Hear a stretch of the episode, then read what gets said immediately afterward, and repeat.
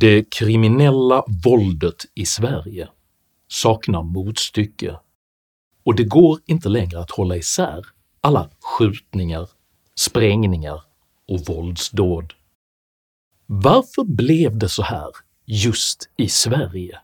Vems är egentligen felet? Och kanske viktigast, vad kan man göra åt det? Dessa frågor tar jag upp i veckans video om Sverigebilden och makten. Veckans video är tämligen dyster, men inskärper också vikten av ett varmt, självständigt och engagerat civilsamhälle. Därför vill jag nu passa på att uppmana er att köpa en biljett till min scenshow “Frihet på liv och död” som har premiär om mindre än en månad. Stockholm är redan utsålt, men biljetter finns ännu kvar i Göteborg, Malmö, Lund, Växjö, Karlstad och Sundsvall. Showen är en grandios upplevelse där jag emotionellt och personligt förklarar frihetens betydelse på ett sätt som känns i hjärtat. Länk till biljetter hittar ni i videons beskrivning och jag hoppas få träffa er alla på efterminglet ute i landet.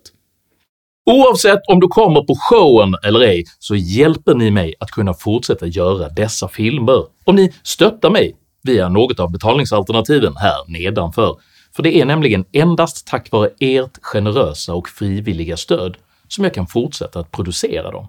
Så ett stort, stort tack till alla de av er som bidrar. För idag talar jag om bilder, om brott och bedrägerier. Häng med!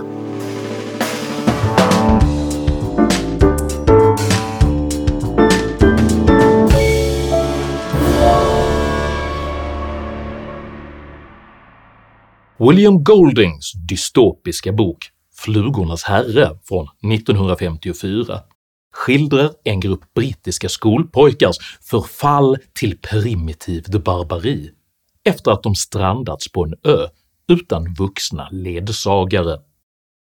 Berättelsen illustrerar hur lätt civilisationen går under om dess institutioner inte längre förmår hålla våldet i schack och visar att även barn är kapabla till grotesk brutalitet utan ett samhälle med tydliga regler. På snarlikt sätt ansätts just nu Sverige av ett skenande våld som kryper allt längre ner i åldrarna. Faktum är att mängden groteska våldsdåd, mord och bombattentat nu är så många att det inte längre går att hålla isär dem, och en sammanfattning som den jag kommer att göra här kommer tragiskt nog att vara inaktuell redan innan den publiceras. Torsdagen den 7 september skjuts en 60-årig kvinna i Uppsala ihjäl. Hon uppges vara mor till en gängkriminell person. Den 10 september beskjuts en lägenhet i Uppsala.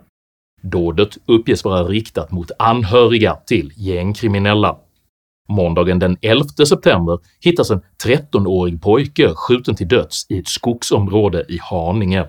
Polisen utreder kopplingar till kriminella nätverk. Morgonen den 12 september hittas en man i 25-årsåldern skjuten till döds i en trappuppgång i Uppsala. Enligt polisen var han inte den tänkta måltavlan. Under kvällen samma dag skjuts en man i 20-årsåldern ihjäl i Sollentuna norr om Stockholm. Onsdagen den 13 september beskjuts ännu en bostad i Stenhagen i Uppsala. Polisen uppger sig ha arresterat en pojke för dådet. Morgonen den 14 september beskjuts en lägenhetsdörr i Norrköping. Fyra personer grips för mordförsök och grovt vapenbrott. Kvällen den 14 september skjuts en 17-årig pojke till döds i Västertorp. Senare samma kväll beskjuts ett radhus strax söder om Stockholm. En pojke i tonåren anhålls för dådet. Fredagen den 15 september beskjuts ännu en lägenhet i Norrköping. Tre unga kvinnor och en man mellan 17 och 21 års ålder grips. Tre uppges vara kopplade till gängkriminalitet och anhålls. Senare samma dag detonerar en bomb vid ett flerfamiljshus i Upplandsbro. Händelsen uppges vara kopplad till gängvåld. Lördagen den 16 september skjuts en 40-årig man till döds i Vällingby i västra Stockholm. Söndagen den 17 september detonerar en bomb vid en villa i Nyköping. Händelsen kopplas till gängkriminalitet. Måndagen den 18 september beskjuts en lägenhet i ett flerfamiljshus söder om Stockholm. Senare samma kväll beskjuts ytterligare en lägenhet i samma område. Under natten mot den 19 september beskjuts en lägenhet på Lidingö. Denna katastrofala utveckling är unik för just Sverige. Redan för fyra år sedan meddelade rikspolischef Anders Thornberg att antalet sprängdåd i Sverige saknade internationell motsvarighet. Sprängningar är ett tillvägagångssätt som på kort sikt har ökat i användning. Vi ser ingen motsvarighet internationellt och det är en oerhört komplex utmaning för svensk polis. Året efter fastslog även Brottsförebyggande rådets undersökning “Dödligt skjutvapenvåld i Sverige och andra europeiska länder” att Sverige nu hade Europas per capita högsta antal dödsskjutningar. På 20 år har Sverige gått från botten till toppen i den dystra statistiken över hur många som varje år skjuts till döds räknat per invånare. Samtidigt som dödligt skjutvapenvåld minskat i övriga Europa så har utvecklingen i Sverige gått i motsatt riktning. Här har det istället ökat kraftigt. Två år senare slog Sverige rekord i antal dödsskjutningar med hela 63 döda på ett enda år. Sverige aldrig tidigare haft så många dödsskjutningar ett enskilt år som i år. Och årets skenande våldsutveckling beskrivs av både statsministern och av rikspolischefen som att den saknar motstycke. Ja, det har varit en vecka som präglats av gängvåld på ny nivå. Uppsala har i veckan hamnat i centrum för den våldsvåg som enligt statsministern och rikspolischefen saknar motstycke. Men varför blev det så här just i Sverige?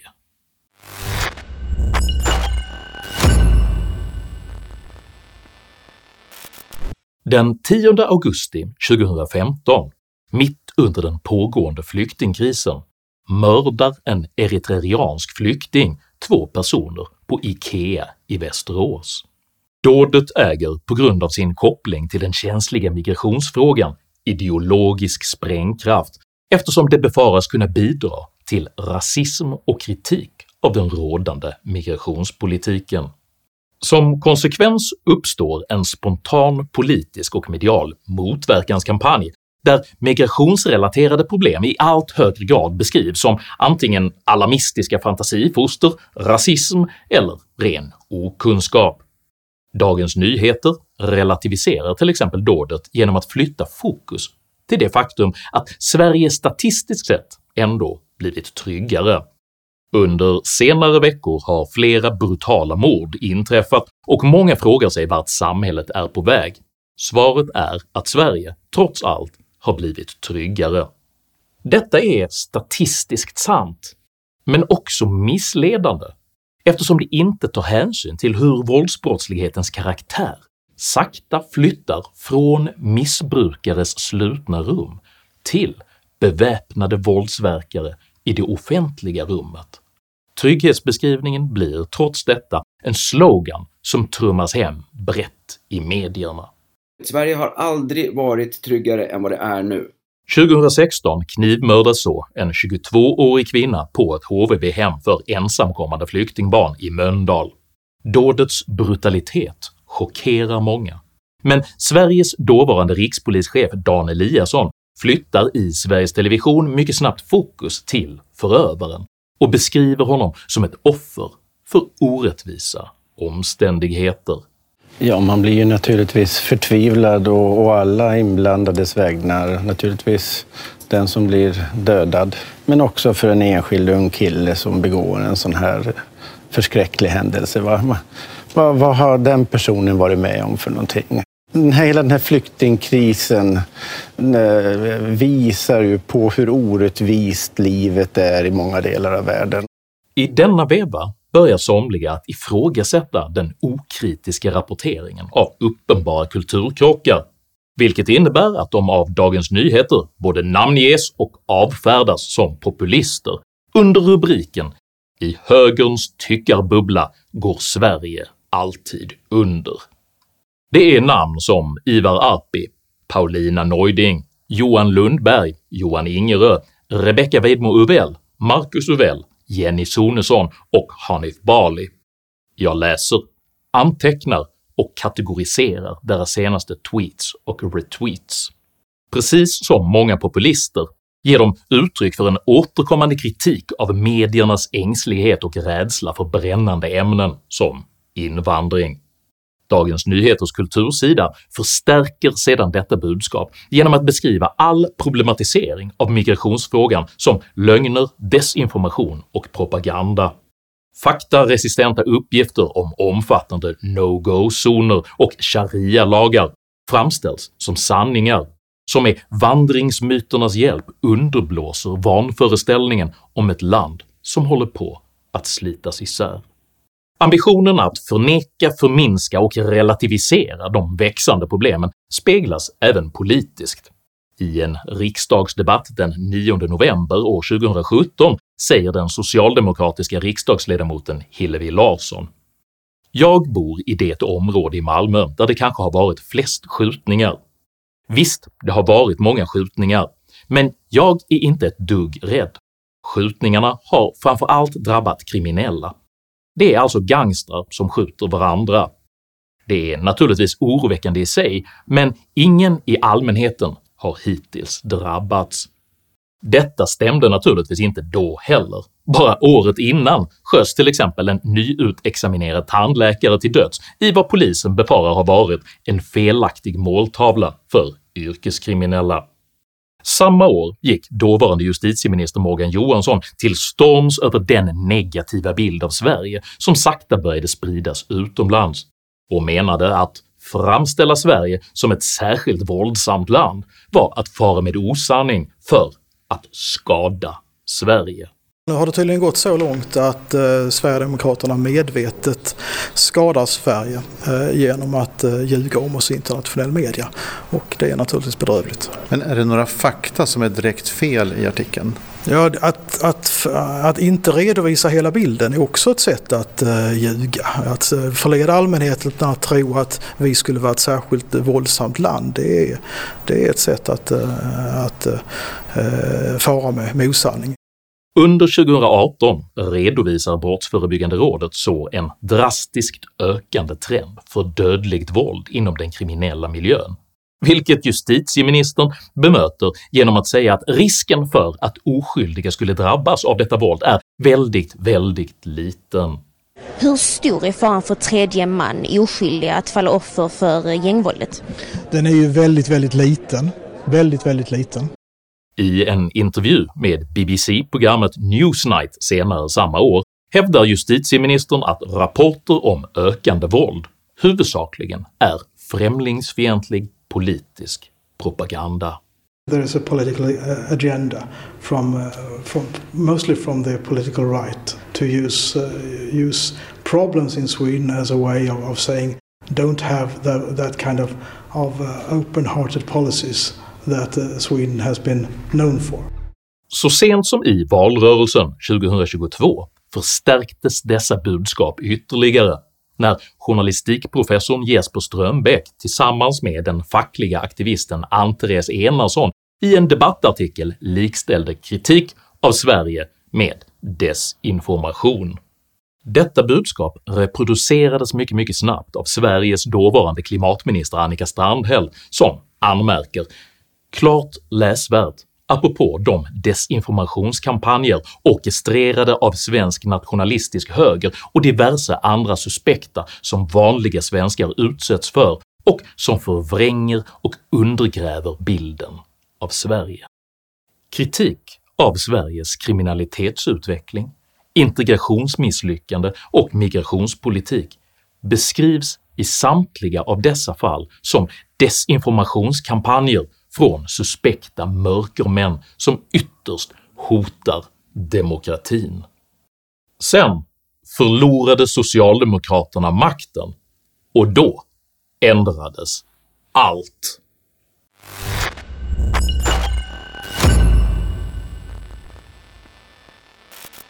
Efter maktförlusten i valet 2022 slutar socialdemokratin omedelbart att betrakta samhällskritik som demokratifarlig desinformation och börjar istället själva att beskriva Sverige som både farligt och fattigt. Morgan Johansson skriver “Under Kristerssons regeringsår har Sverige blivit avsevärt fattigare och dokumenterat farligare”. Anders Ygeman skriver “Istället för att få ordning på Sverige har vårt land blivit fattigare och farligare”. Åsa Westlund skriver “Brist på ansvarstagande för den politik som gjort Sverige både fattigare och farligare”. Fredrik Lund Sammeli skriver “Sverige blir både fattigare och farligare för varje dag”. Även socialdemokraternas partiledare Magdalena Andersson fastslår i riksdagens talarstol att Sverige nu blivit farligare och fattigare. Sverige har blivit farligare, svenska folket har blivit fattigare. Den gamla SVT-journalisten och silverryggen Janne Josefsson skriver plötsligt “Säg som det är, vi lever i ett krigsliknande tillstånd” och till och med Sveriges Televisions pelarhelgon Göran Greider beskriver plötsligt öppet kopplingen mellan den misslyckade migrationspolitiken och det skenande våldet.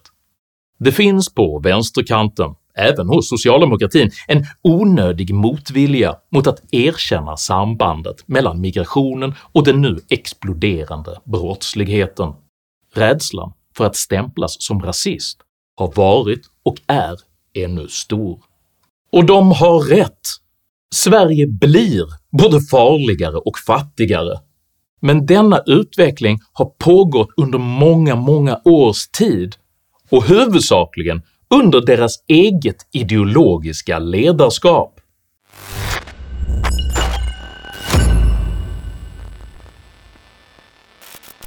Skillnaderna mellan Danmarks, Norges och Sveriges trygghetssystem och brottsförebyggande åtgärder är mycket små, och förra året hade Norge och Danmark fyra dödsskjutningar var. Sverige hade 63. Det är alltså 16 gånger fler än vad våra nordiska grannländer hade. Det finns ingen bristfällig samhällsfunktion som kan förklara denna enorma skillnad, även om många försöker beskylla allt från friskolor till diffust definierade nedskärningar. Föreställningen att den kurdiska räven inte skulle ha kunnat bygga upp sitt brottsimperium i Sverige om vi bara hade haft fler fritidspedagoger är faktiskt helt befängd, och ändå är detta fortfarande det enda som ständigt lyfts fram i media. Ja, en 15-årig flicka som hanterar handgranater, en 16-åring som misstänks för mordförsök. Ja, för det första är det viktigt för oss att det är också råd och stödsamtal i samband med att unga blir häktade. Det är segregationen. Oftast har de ju en avsaknad av tillhörighet, bekräftelse att någon ser och hör dem.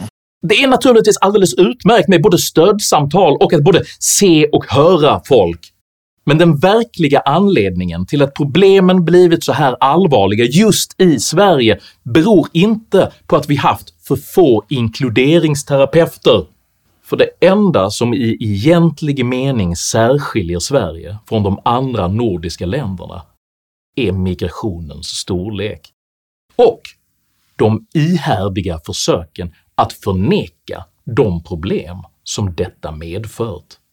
Sverige tog helt enkelt emot fler invandrare som kompetensmässigt står mycket, mycket långt från den svenska arbetsmarknaden än vad alla de andra nordiska länderna gjorde tillsammans och våra sociokulturella koder och våra trygghetssystem kunde inte och kan inte hantera situationen. Att politiker under närmare ett decennium helt har förnekat detta uppenbara faktum för att det gagnat deras egna personliga kortsiktiga politiska maktintressen är inte bara ohederligt, det är ett svek. Det är ett svek av det svenska folket som slagits i att problem de upplever och oro de känner skulle vara rasistiska vanföreställningar och strukturellt förtryck. Det är ett svek mot de flyktingar som kommit hit till Sverige i hopp om ett bättre liv och istället buntas samman i delvis laglösa enklaver präglade av samma typ av förtryck som de flytt från. Och det är ett svek mot vår nation, mot alla de som före oss byggt upp några av världens mest välfungerande institutioner och infrastrukturella system, och det är ett svek mot våra barn som nu tvingas växa upp i ett Sverige präglat av förfall, fattigdom och våld. Men istället för att begråta, klandra och peka finger som politikerna gör, låt oss istället i det varma civilsamhället självständigt arbeta för att Sverige i slutändan, likt Goldings Flugornas herre, ska kunna återförenas med ansvarstagande vuxna med kraft att kuva barbariet och att återupprätta civiliserade ideal. Jag manar till fred, förnuft och förtroende.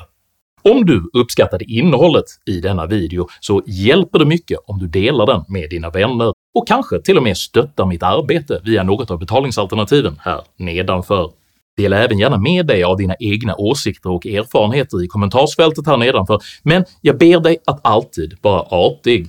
Jag accepterar inte aggression, personpåhopp eller rasism i mina idédrivna kommentarsfält.